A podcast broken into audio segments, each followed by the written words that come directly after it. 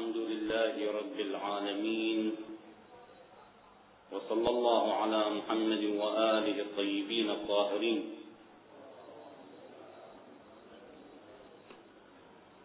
محاضرتي هذه أفتتحها برسالة للإمام المهدي عجل الله فرجه الشريف. يعد هذا هذه الرسالة أو هذا التوقيع من الناحية المقدسة الشريفة بمثابة إعلان رسمي يتعاصر مع كل ظرف وزمان ومكان. هذه الرسالة لم تعنون إنما سأختار لها عنوانا يحكي عما يريده الإمام عجل الله فرجه الشريف أن يقصده ويوجهه لأتباعه. هذا الإعلان وهذه الرسالة تعنون بعنوان الفتنة. سأقرأ لكم نص الرسالة. هذه الرسالة وجهت إلى السفير الأول والسفير الثاني إليهما وإلى شيعته وأتباعه. في هذه الرسالة مضامين مهمة جدا يجب أن نتوقف فيها قليلا حتى نستطيع أن نؤدي بعض ما ورد في مضامين هذه الرسالة الشريفة. الشيخ الصدوق رضوان الله عليه في إكمال الدين يروي هذه الرسالة عن السفيرين الأول والثاني ويقول بخطهما رأيت السند وهما نقلا هذه الرسالة. هذه الرسالة موجهة من الناحية المقدسة. وكما تعلمون أن الناحية المقدسة اسم لإحدى المفردات الثقافية المهدوية بمعنى صادر عنه عجل الله فرجه الشريف. ولذلك احترازا وتأدبا وتشريفا بأن لا نذكر اسمه إلا أن نشير إلى الجهة التي تصدر منها هذه التوقيعات وهذه الرسائل فنطلق عليها بالتوقيع الصادر من الناحية المقدسة. هذا التوقيع ورد عن الشيخ الصدوق قال خرج إليه إلى السفير الأول وإلى ولده السفير الثاني رسالة هذا مضمونها. بل هذا نصها. وفقكم الله. هذا خطاب للسفيرين. وفقكم الله لطاعته. وثبتكما لدينه على دينه. وأسعدكما بمرضاته. هذه مقدمة يدعو لهما الإمام أن يزيدهما توفيق. وهذه ليس من باب التعارفات. حينما يفتتح الإمام رسالته عليه السلام إنما هو من باب الدعاء وكونهما يستحقان هذا الدعاء لذا فقد دعا لهما بالتوفيق على لطاعة الله تعالى. يبدو أن السفير الأول كتب إلى الإمام عن قضية حدثت في عصره عن طريق من نقل له أن هناك محاجزات حصلت بين أحد أتباع الإمام مسمى بالمختار حاججه عن الإمامة وعن وجوده عجل الله فرجه الشريف. ويبدو أن هذه المحاججة وهذا النقاش وهذا الحوار قد أخذ مأخذا ثقافيا مهما. أخذ مأخذا فكريا مهما. هذا المختار يبدو أنه أحد أتباع الإمام أحد أتباع أهل البيت عليهم السلام. لكن يبدو أن لهذا الرجل مكانة بل حصانة ثقافية علمية ولذلك استطاع أن يفرج القصد فكتب السفير الأول يسترعي انتباه القاعدة قواعد الشيعية قواعد الإمام ليوجه بذلك الإمام عليه السلام وصاياه في شأن هذه القضية في شأن هذه المحاججة. إذا المحاججة أخذت مأخذا مهما في ذلك الوقت ولذلك الإمام عليه السلام علق عليها وهمش عليها بهذه الرسالة المهمة. انتهى إلينا ما ذكرتما أن الميتمي أخبرتما الميتمي أحد أتباع الإمام عليه السلام أخبركما عن المختار ومناظرته من لقي واحتجاجه بأنه لا خلف غير جعفر بن علي وتصديقه إياه. وفهمت ما كتبتما. يبدو أن هناك فتنة. الفتنة بدأت منذ أن تصدى جعفر بن علي للإمامة كذبا وزورا. المعروف أن جعفر بن علي الملقب بجعفر الكذاب. جعفر الكذاب كذب وادعى مقاما ليس له. يبدو أن هذا جعفر كان مدفوعا من قبل السلطات العباسية آنذاك. يبدو أن السلطة العباسية حاولت أن تبهم على الشيعة بأن وصي الحسن العسكري هو جعفر أخوه. باعتبار أن هناك دعوة أن الحسن العسكري لم يولد له ولد. لم يولد له ولد ولم يكن له خليفة.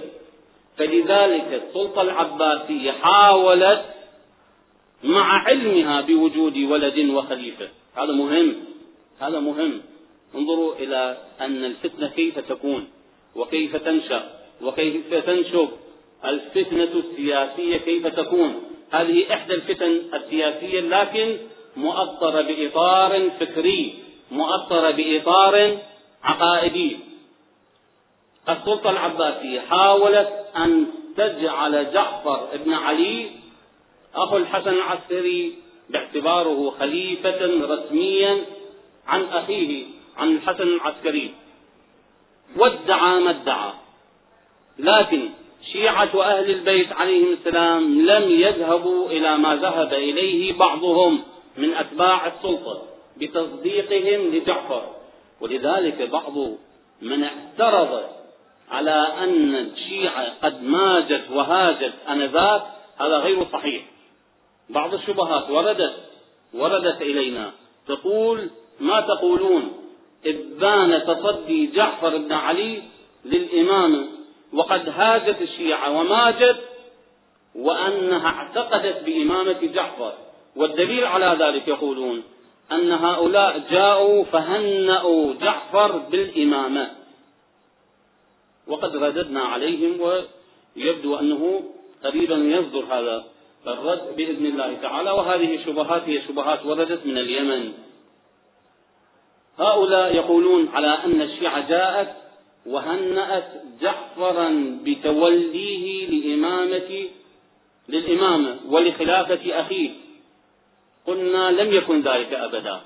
إنما الشيعة جاءت تهنئ جعفر لتكتشف الحقيقة ولتمتحن جعفر ولتختبر جعفر. وبالفعل هنأوه بما أرادت السلطة أن تجعله في مقام رسمي خليفة لأخيه ثم اختبروه وامتحنوه. فشل في الامتحان. وقال سبحان الله أتريدوننا أن نعلم الغيب؟ سألوه عن بعض المسائل. كم في الهميان؟ كم عدد الكتب؟ كما كان هو الإمام العسكري عليه السلام كان قد درجت عليه الشيعة وعلى وآبائه كذلك. يخبرهم ليثبت مقامه وإمامته باعتبار أنها إحدى المعجزات باعتبار أن قضية علم الغيب قضية إعجازية لإثبات مقام النبي صلى الله عليه وآله ولإثبات مقام خليفته. ولذلك الإمام كان يتحرى بعض مواضع المعجزة ولذلك كان يخبرهم كم هو في الهميان كم عندك كم هي الكتب ومن أين وردت ومن, ومن أين جاءت؟ وما هي مضامينها؟ كانت هذه طريقة الأئمة عليهم السلام والشيعة قد اعتادوا على ذلك. فلذلك حينما سألوه كم هو في الهميان من أموال وما هي عدد الكتب ومن أين جاءت؟ قال سبحان الله تريدوننا أن نعلم الغيب؟ لا يعلم الغيب إلا الله. هذه طبعا الشبهة كانت تعلق في ذهن البعض. استغلها جعفر بذلك. أنا لا أريد أن أتعرض لشبهة علم الغيب لكن استطرادا أنا أقول أن مسألة علم الغيب لم تكن بدعا من الرسل. الأئمة عليهم السلام حينما أخبروا بما في ضمائر الناس وبما يحمله منهم من نوايا ومن أفكار. أرادوا أن يثبتوا ويطمئنوا الآخرين بإمامتهم وباستحقاقهم لهذه الإمامة. علم الغيب هو بإذن الله تعالى كما كان عيسى عليه السلام يخبر ما في بيوتهم وما في ضمائرهم. ولذلك كان الأئمة عليهم السلام كما هو النبي صلى الله عليه وآله يخبر ما في ضمائرهم. إذا مسألة علم الغيب لم تكن مسألة بدعية كما يدعى اليوم. الآن لو أردنا أن نقرأ في كتب المذاهب الإسلامية الأخرى لوجدنا العجيب والعجيب. واقرأوا معي. أبو جنيد أو ابن الجنيد الشاذلي كان يقول لولا لجام الشريعة لأخبرتكم بما كان وما يكون وما هو كائن إلى يوم القيامة. ابن الجنيد الشاذلي رجل حنفي من علماء الحنفية لكنه رجل زاهد. يقول أنا لولا بعض الموانع الشرعية لأخبرتكم بما كان وبما يكون وبما هو كائن إلى يوم القيامة. إذا مسألة الغيب لا تدعيها الشيعة فقط إنما هي قضية فكرية عند كثير بل كل المذاهب الإسلامية بل حتى الديانات الأخرى. كل الديانات الأخرى تعترف بأن أئمتها وأنبياءها يعلمون الغيب لكن بإذن الله تعالى.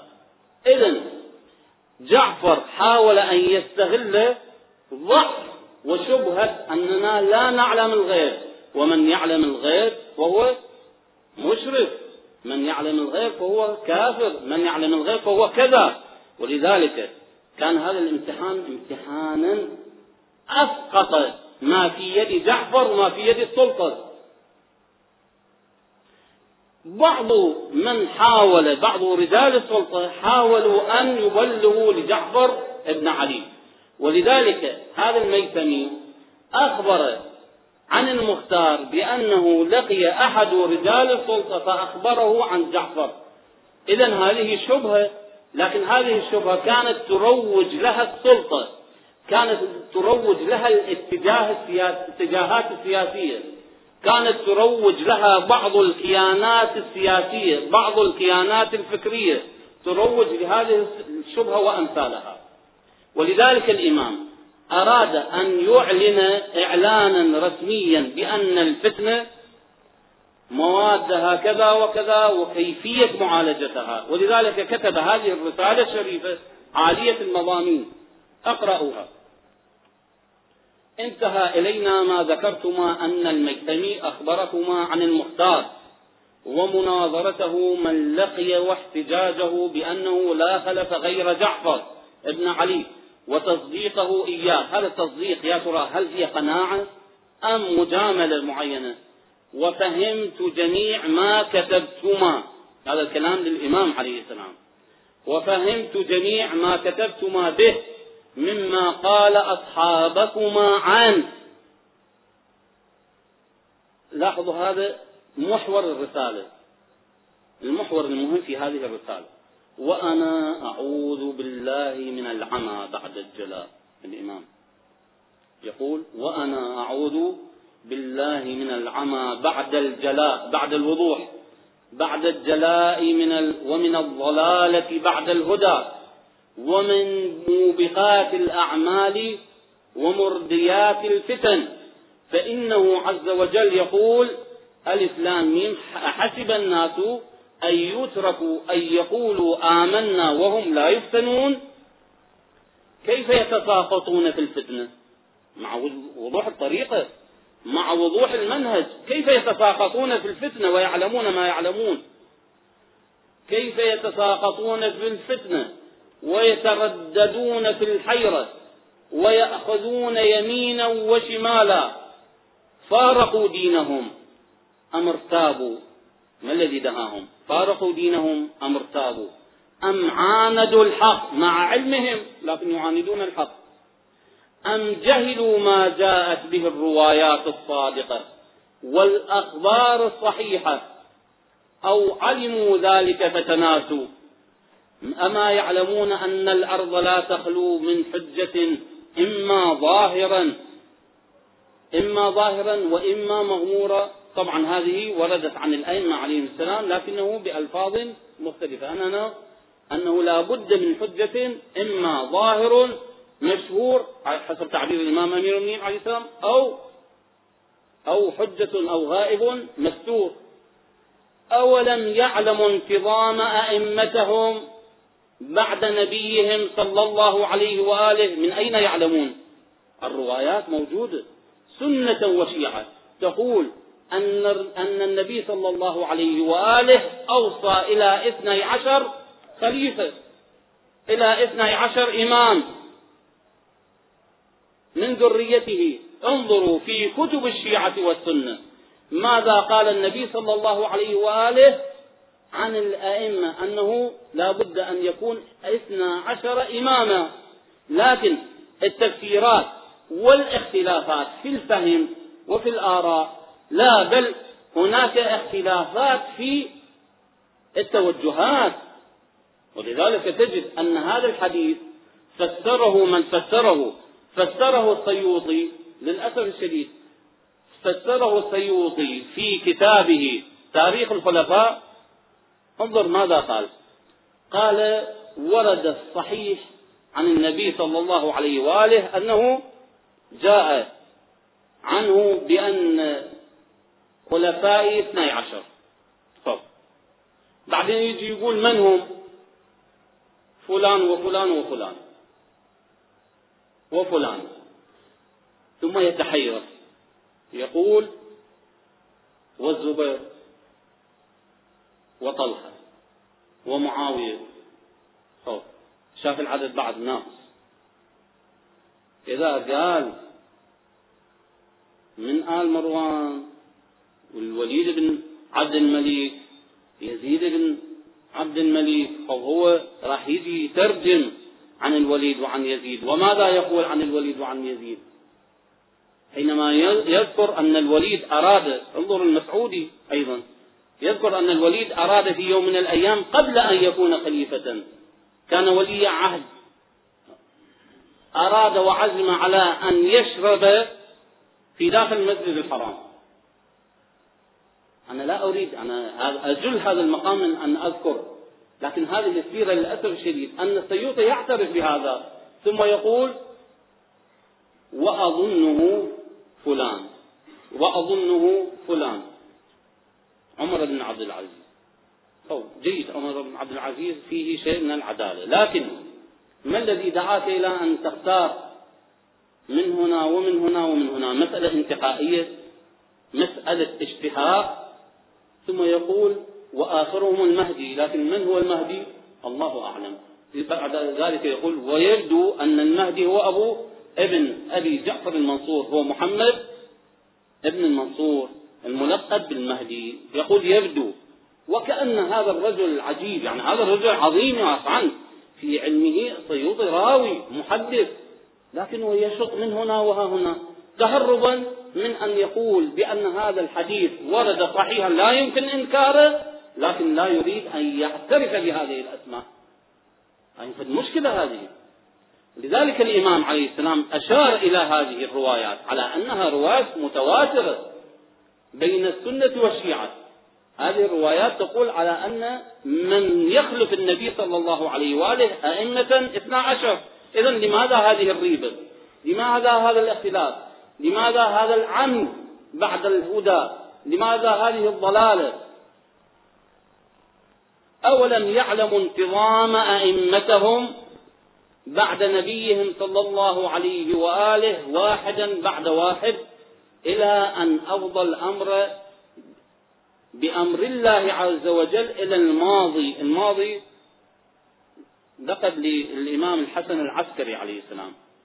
حينما يقول حدثني الماضي تقية يعني كانت أساليب الشيعة في ذلك الوقت كانوا يقول حدثنا الماضي إشارة إلى الإمام العسكري عليه السلام حدثنا العالم إشارة إلى الإمام الكاظم عليه السلام وأيضا إلى الإمام أمير المؤمنين حدثنا الرجل إشارة إلى الإمام أمير المؤمنين عليه السلام الرجل حدثنا أبو زينب الإمام أمير المؤمنين حدثنا أبو الحسن الثالث من هو الثالث. إذا المسألة مسألة تقية واضحة.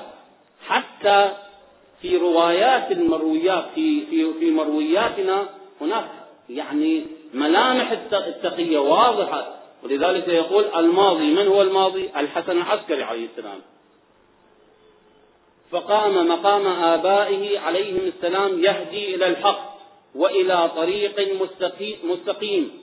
كانوا نورا ساطعا وشهابا لامعا وقمرا زاهرا. ثم اختار الله تطبيق المصاديق. مو مو صحيح هذا. هذا لا يتناسب مع المنهج العلمي للقضية المهدوية لا يمكن أن نطبق شيء من الظواهر على بعض الأشخاص أو على بعض الأمور. أنا لا أعني أننا ننفي عنا قراءة علامات الظهور بل علينا أن نتروى علينا أن لا نشط من هنا وهناك أن لا نذهب يمينا وشمالا. أن الظاهرة الفلكية الفلانية تحدث في السنة الفلانية وأن المذنب الفلاني يحدث في السنة الفلانية إذا الظهور سيكون في السنة الفلانية هذا مو صحيح هذا. هذا مو صحيح. قد تكون هناك دراسات تنشر اليوم لكن هذه من باب التفاؤل وليس من باب القطع كذب الوقاتون. كذب الوقاتون. قطع ماكو. لا يمكن أن تحدد تحديدا معينا ليوم ما. ولذلك النبي صلى الله عليه وآله والأئمة أكدوا على أن ظهوره عليه السلام كعلامات الساعة.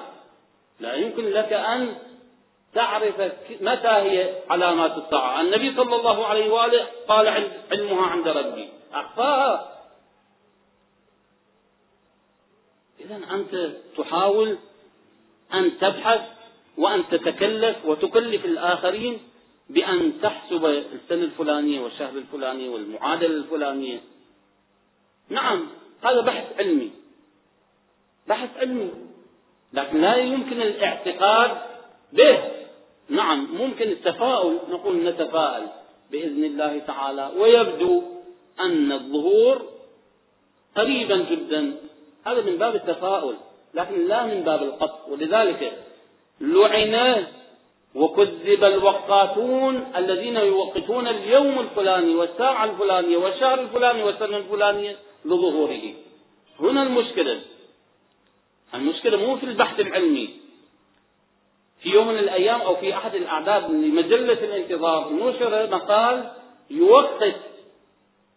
لكن هذا التوقيت أنا همشت على هذا التوقيت وقلت أن هذا لا يعني توقيتا إنما يعني تفاؤلا. بحثا علميا أراده الكاتب والباحث أن يبحث في متى وكيف وأين يظهر حساب معادلات معينة قضايا فلكية معينة ظواهر معينة يرجوها هو متفائلا بأن الظهور سيكون في السنة الفلانية يمكن يمكن لعله. ولم يقطع أيضا لم يقطع. لأنه هو أيضا الباحث أمامه روايات تكذيب من وقته وهو لم يوقت أراد أن يتفاءل وأن يبعث الأمل في النفوس. لذلك الإمام عليه السلام أيضا يقول لا تتكلفوا فيما أخفاه الله تعالى ولكن ابحثوا ابحثوا عما عرضه الله عليكم من إمامكم من شخصيته من سلوكه من آه كثير من متعلقاته ولذلك هو عليه السلام لا يقول أن كل القضايا تغلق بابها وإنما قضية التوقيت وقضية ما أخفي عليكم أغلقوه فليدعوا عنهم اتباع الهوى وليقيموا على أصلهم الذي كانوا عليه ولا يبحثوا عما ستر عنهم فيأثموا ولا يكشفوا سترا سترا ستره الله عز وجل فيندموا. وليعلموا أن الحق معنا وفينا يعني أينما كان وكيفما يكون. ومهما أن طالت الغيبة ومهما أن جاءت من الفتن ومن القضايا التي تهزكم لكنه الأمر معنا وفينا. اطمئنوا اطمئنوا. إذا وليعلموا أن الحق معنا وفينا لا يقول ذلك سوانا إلا كذاب مفتر. ولا يدعيه غيرنا إلا ضال غوي. فليقتصروا منا على هذه الجملة دون التفسير. لا تتكلفوا. كيف وأين؟ يكفي هذه؟ هذه الجملة أوردناها لكم ولا تفسروها بالآراء والتوجهات التي ترغبون في تفسيرها. ولا يدعي غيرنا إلا ضال غوي فليقتصروا منا على هذه الجملة دون التفسير ويقنعوا من ذلك بالتعريض دون التصريح إن شاء الله تعالى. يبدو أنه التعريض دون التصريح أنه هناك رأي في جواز تسمية الإمام عليه السلام حرمة تسمية الإمام أو جواز تسمية أو عدم جواز تسمية الإمام. جواز تسمية الإمام أو عدم جواز تسميته. الكل تقريبا يبدو أن هناك إجماع على عدم تسمية الإمام عليه السلام. وهناك أدلة لمن قال وبعضهم قال لا بأس بتسميته برفع يعني قضية التقية ومسألة ومقتضيات الإخفاء إخفاء الاسم. ولذلك بعضهم حتى لا يدخلوا في إشكالات. هذه الروايات يكتبون ميم حاء ميم دال. عجل الله فرجه الشريف. يعني حروف مقطعة. هذه الرواية أو هذه الرسالة الشريفة فيها كثير من المعاني. فيها كثير من المضامين المهمة. كثير من المضامين الشريفة. تشير إلى فتنة. ما هي الفتنة؟ كيفية معالجة هذه الفتن؟ ما هي أسباب ودواعي هذه الفتن؟ ما هي مقتضيات هذه الفتن؟ هذه الرسالة لنجعلها وثيقة عمل لنجعلها ورقة عمل نعمل على أساسها. المصدر لهذه الرسالة وأرجو أن من الأخوة أن يتابعوا ويراجعوا هذه الرسالة هو للصدوق إكمال الدين للشيخ الصدوق.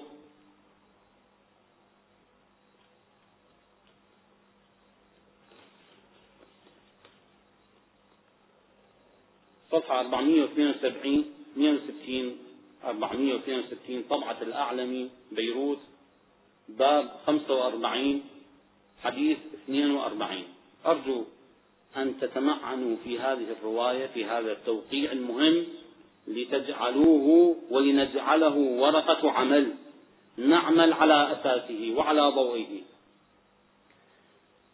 انتهينا من هذه الرسالة. هنا نريد قبل أن ندخل في أسباب الفتنة ودواعي الفتنة نريد أن نشير إلى قضية مهمة. مصطلح الفتن مصطلح الفتن.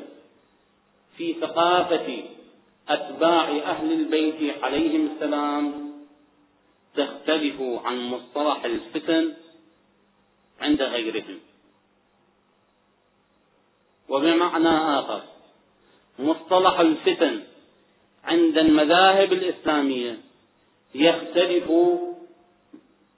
مقاصدها وتوجهاتها ودواعيها عند غيرهم من شيعة أهل البيت عليهم السلام.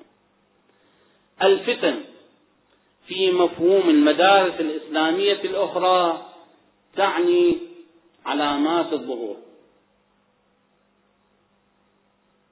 اقرأوا كتاب الفتن لأبي نعيم ابن حماد المروزي. يذكر. هذه الفتن ويذكر معها علامات الظهور ويعنونها بأنها فتن. اقرأوا ما شئتم من المطولات الحديثية من صحيح البخاري إلى صحيح مسلم إلى صحيح النسائي إلى صحيح إلى سنن ابن ماجه إلى سنن الترمذي إلى غيرها من هذه المطولات الحديثية اقرأوا في باب الفتن. ماذا يقصدون من الفتن؟ يقصدون علامات الظهور. لكن في ثقافتهم يطلقون على مفردة علامات الظهور بأنها الفتنة. يبدو أن هناك دواعي. قد نعذرهم في ذلك. قد. باعتبار أن هؤلاء حينما كتبوا هذه المطولات كتبوها في ظرف سياسي حرج. يراقب ويتابع كل ما كتب وكل ما يكتب في هذا المجال. ولذلك إذا أرادوا أن يعنونوا هذه بعلامات الظهور معنى ذلك ستكون هناك إشارة من قريب أو بعيد إلى تهيئة الأمة الإسلامية لظهوره عليه السلام سواء كان على مستوى أهل السنة أو الشيعة. ولذلك هؤلاء كتبوا وعنونوا علامات الظهور بأنها فتن وأدخلوا الفتن وعلامات الظهور تحت باب واحد. فقالوا وعنونوها بباب الفتن. شيعة أهل البيت ميزوا بين علامات الظهور وبين باب الفتن. علامات الظهور هي كل علامة تشير من بعيد أو قريب لظهوره عليه السلام. تشير إلى قرب ظهوره. وقلنا أن علامات الظهور علامات حتمية وعلامات غير حتمية وأيضا هم يعترفون أيضا المذاهب الإسلامية الأخرى تعترف بذلك وتقول أن هناك علامات حتمية وعلامات غير حتمية لكن لفظة الفتن عن لفظة علامات الظهور أربكت الرؤية الإسلامية عامة. ولذلك شيعة أهل البيت اهتموا بعلامات الظهور دون الفتن لأن الفتن هناك باب واسع لمسألة ولعلاج الفتن. ثقافة خاصة ثقافة خاصة الفتن. ما المقصود من من الفتن؟ ما المقصود من الفتنة؟ هل هي علامة الظهور كما يقال أم غيرها؟ نعم هي غير علامات الظهور الفتن بمعنى ما يتعرض إليه الإنسان وما يتعرض إليه المجتمع وما تتعرض إليه الأمة من فتن سياسية أو اجتماعية أو فكرية معينة هذه الفتن. ما الذي يقصده من الفتنة أو أهل البيت عليهم السلام؟ ما الذي يقصدونه من الفتنة؟ ما هي ثقافة أهل البيت عليهم السلام بالفتنة؟ هي نفس ثقافة القرآن. مسألة اختبار مسألة تمحيص الفتنة بمعنى الاختبار. ولذلك تقول ذهب مفتون بمعنى مختبر. دينار مفتون بمعنى مختبر. مفتون. إذا مسألة الفتنة بمعنى الاختبار وليست علامات الظهور كما يظن. أهل البيت عليهم السلام ذكروا بعض الأحاديث عن مسألة الفتن ولذلك سنقرأ بعضها ليتجلى لنا مفاهيم تتجلى لنا مفاهيم الفتن وكيفية معالجتها. عن عميرة بنت نفيل. قالت سمعت الحسن بن علي عليه السلام. يبدو أن الحسن بن علي ليس العسكري الإمام الحسن بن أمير المؤمنين. يقول لا يكون هذا الأمر الذي تنتظرون حتى يبرأ بعضكم من بعض ويلعن بعضكم بعضا. ويدفل بعضكم في وجه بعض وحتى يشهد بعضكم بالكفر على بعض. عن قضية مخيفة مرعبة. يتبرأ يلعن يدفل أحدكم في وجه الآخر. دليل على البراءة دليل على الاختلاف. وقعا قضية مهمة. أشغلت هؤلاء الذين كانوا حول الإمام عليه السلام. ولذلك سألوه هل في ذلك خير؟ في هذا خير؟ قلت ما في ذلك خير؟ قال الخير كله في ذلك. عند ذلك يقوم قائمنا فيرفع ذلك كله. مقتضى خروجه ومقتضى ظهوره عليه السلام هي أن يعم الفتن الفتن وتعم مسألة الظلم والجور والطغيان في المجتمع. ولذلك هذه مقتضيات بعيدة وقريبة لظهوره عليه السلام. مسألة التبرئة مسألة يلعن بعضنا بعضا مسألة الاختلاف في وجهات النظر مسألة عدم التعاطي مع الآخر. هذه كلها حالة اختلاف لكن حالة اختلاف ناشئة من فتنة معينة لكن هذه الفتنة في نهايتها خير في نهايتها كل الخير. بعد ذلك يظهر عليه السلام على أساس هذه التداعيات السياسية على أساس هذه التداعيات الخلافية على أساس هذه التداعيات المذهبية. بعد ذلك يظهر الإمام عليه السلام ليملأها قسطا وعدلا. إذا الأئمة عليهم السلام عنوان يملأها قسطا وعدلا بعدما ملئت ظلما وجورا. هذا العنوان تحته تكون مسألة الفتن. لكن الأئمة عليهم السلام أرادوا أن يوضحوا هذه الفتن. حتى لا تكون هناك هزيمة في النفس. انهزامية لا تكون. مسألة الانهزامية مرفوضة عند الأئمة عليهم السلام. حينما أنا أرى مقتلة عظيمة تجري على شيعة أهل البيت عليهم السلام. أنا لا يمكنني أن أنهزم أبدا بل أتيقن بأنني على نص على حافة النص. أتيقن بأن قضيتي هي قضية قضية النص قضية صحيحة. وإذا لم تكن قضية صحيحة لماذا يتابعونني؟ لماذا يقتلونني؟ لماذا؟ لماذا؟ إذا هذه لا يمكن أن تسجل لنا مؤشرا في الإحباط إنما يجب أن تسجل لنا مؤشرا في النصر والثبات. ولذلك أئمة أهل البيت عليهم السلام أرادوا أن يؤكدوا هذه الروحية وأن يجعلوا النفسية الشيعية نفسية دائما صامدة لأنهم يعرفون أن هناك فتن ستجري على هذه القاعدة على هذه المجموعة على هذه العصابة عصابة الحق. ولذلك قالوا لا تهزكم هذه لا تهزكم. الفتنة لا تهزكم. أنا أذكر رواية ولا كن لا أريد أن أذكرها الآن سأذكرها يعني أتابع في هذه الروايات ثم أذكر بعد ذلك ما رواه السيوطي عن الفتن وحقيقة هي روايات جدا مهمة. لكن سأذكر متابعة هذه الروايات عن الأئمة عليهم السلام. عن هاني التمار قال قال لي أبو عبد الله عليه السلام إن لصاحب هذا الأمر غيبة المتمسك فيها بدينه كالخارط للقتاد بيده.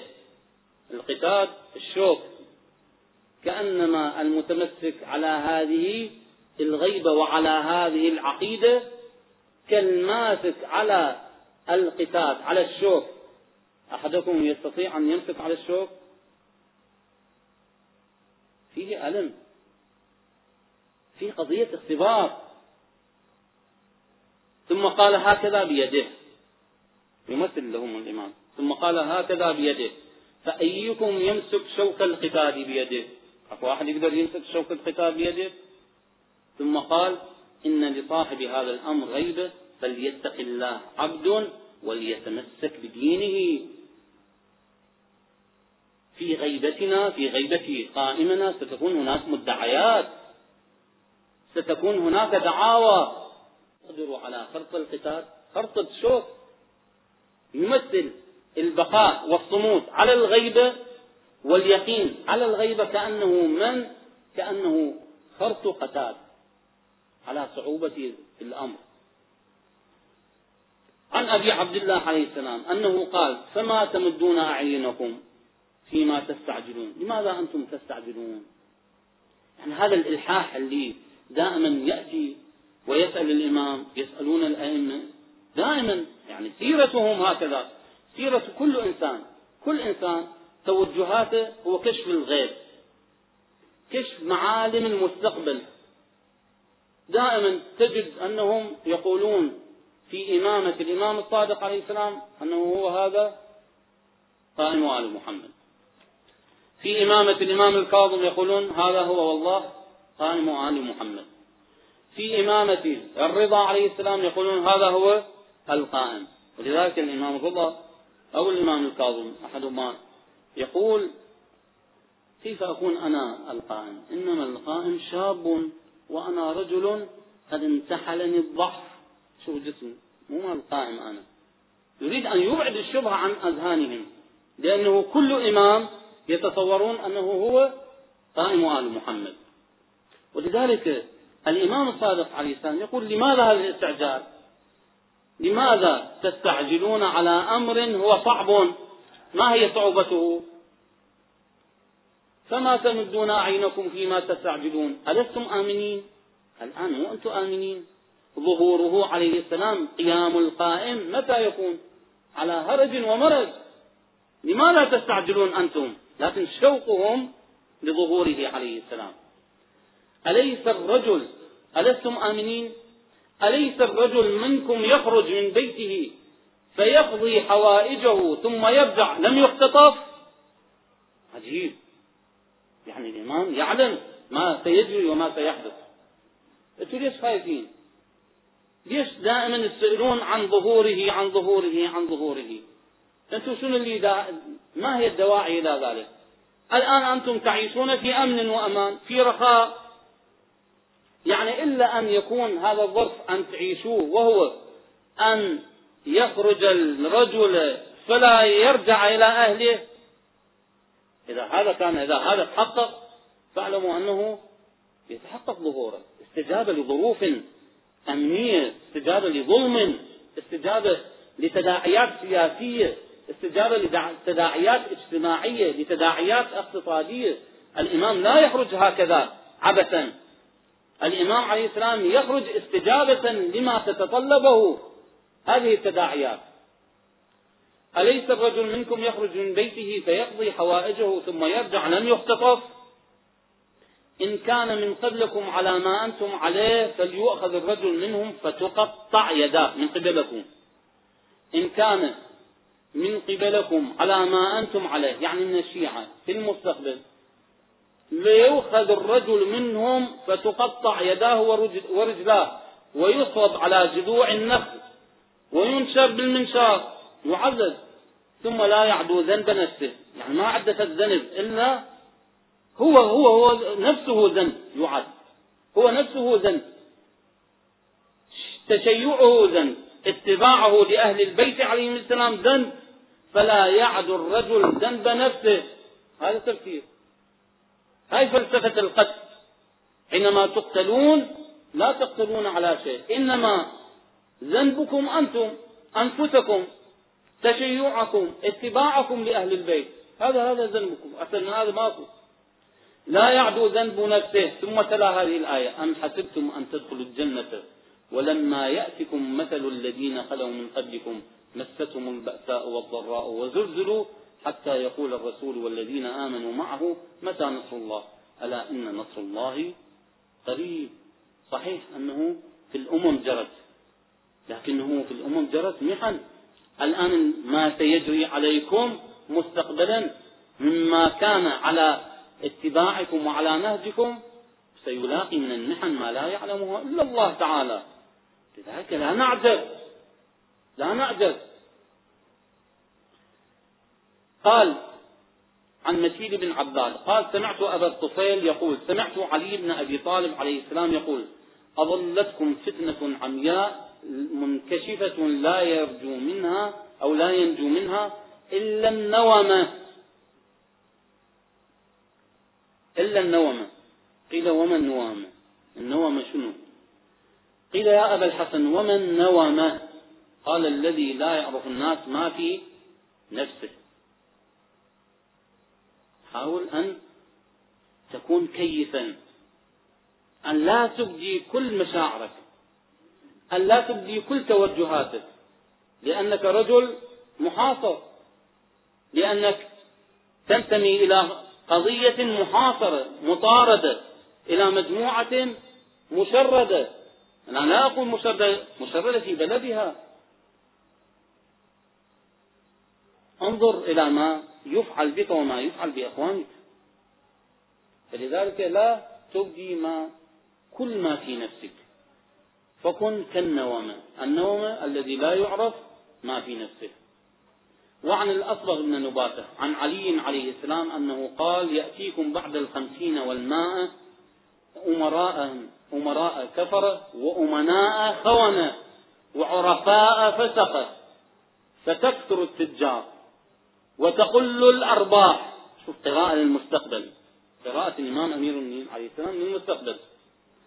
ويفشو الربا ويكثر إلى آخره.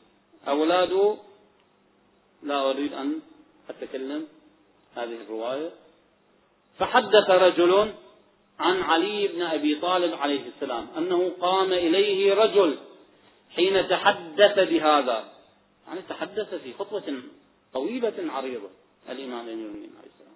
والنبي صلى الله عليه وآله من قبل أيضا حذرهم ما يجري في المستقبل. فقام إليه رجل وقال حين تحدث بهذا الحديث فقال له يا أمير المؤمنين وكيف نصنع, نصنع في ذلك الزمان؟ فقال عليه السلام الهرب الهرب. يعني مو الهرب مو الهرب من المسؤولية لكن التقية التقية.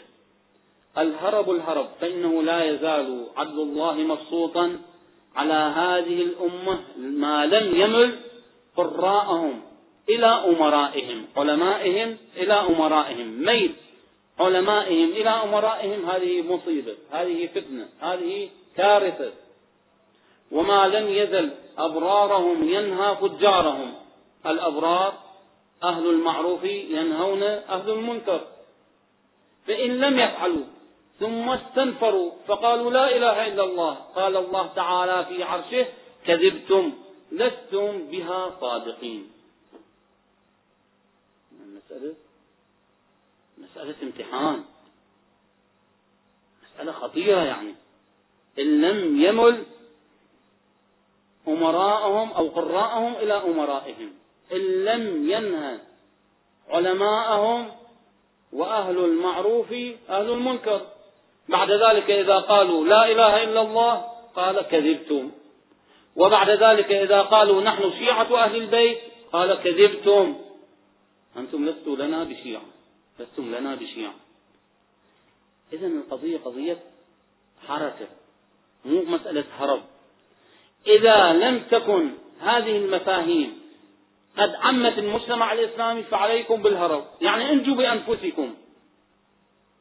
انجوا بأنفسكم. إذا الفتنة تطوق المجتمع تطوق الفرد تطوق الأسرة تطوق يعني مسألة الفتن لا يمكن حصرها ولا يمكن تعدادها في مصداق واحد أو في مصادق معينة. كل ما تتصور ممكن أن يكون معرضا لفتنة ما. وعن حذيفة قال سمعت رسول الله صلى الله عليه وآله يقول يميز الله أولياءه وأصفياءه حتى يطهر الأرض حتى يطهر الأرض من المنافقين والضالين وأبناء الضالين. وحتى تلتقي بالرجل يومئذ خمسون امرأة. هذه تقول يا عبد الله اشترني وهذه تقول يا عبد الله آوني. مسألة مسألة يعني مسألة اجتماعية هائلة. راح تكون كوارث اجتماعية بحيث أنه كثير من النساء لم يجدن لهن مأوى. ولذلك تتوسل بهذا وذاك تقول اكفني اضمني آوني. كثير من الروايات التي تحدثت عن الفتن. أنا لا أريد أن أطيل ويبدو أن برنامج الأخوة السيد آه، وزع بعض الأوراق لعلنا نكمل في محاضرات سابقة بإذن الله تعالى لنتعرض إلى دواعي هذه الفتن وإلى كيفية معالجتها والتصدي لها والحمد لله رب العالمين وصلى الله على محمد وآله الطيبين الطاهرين.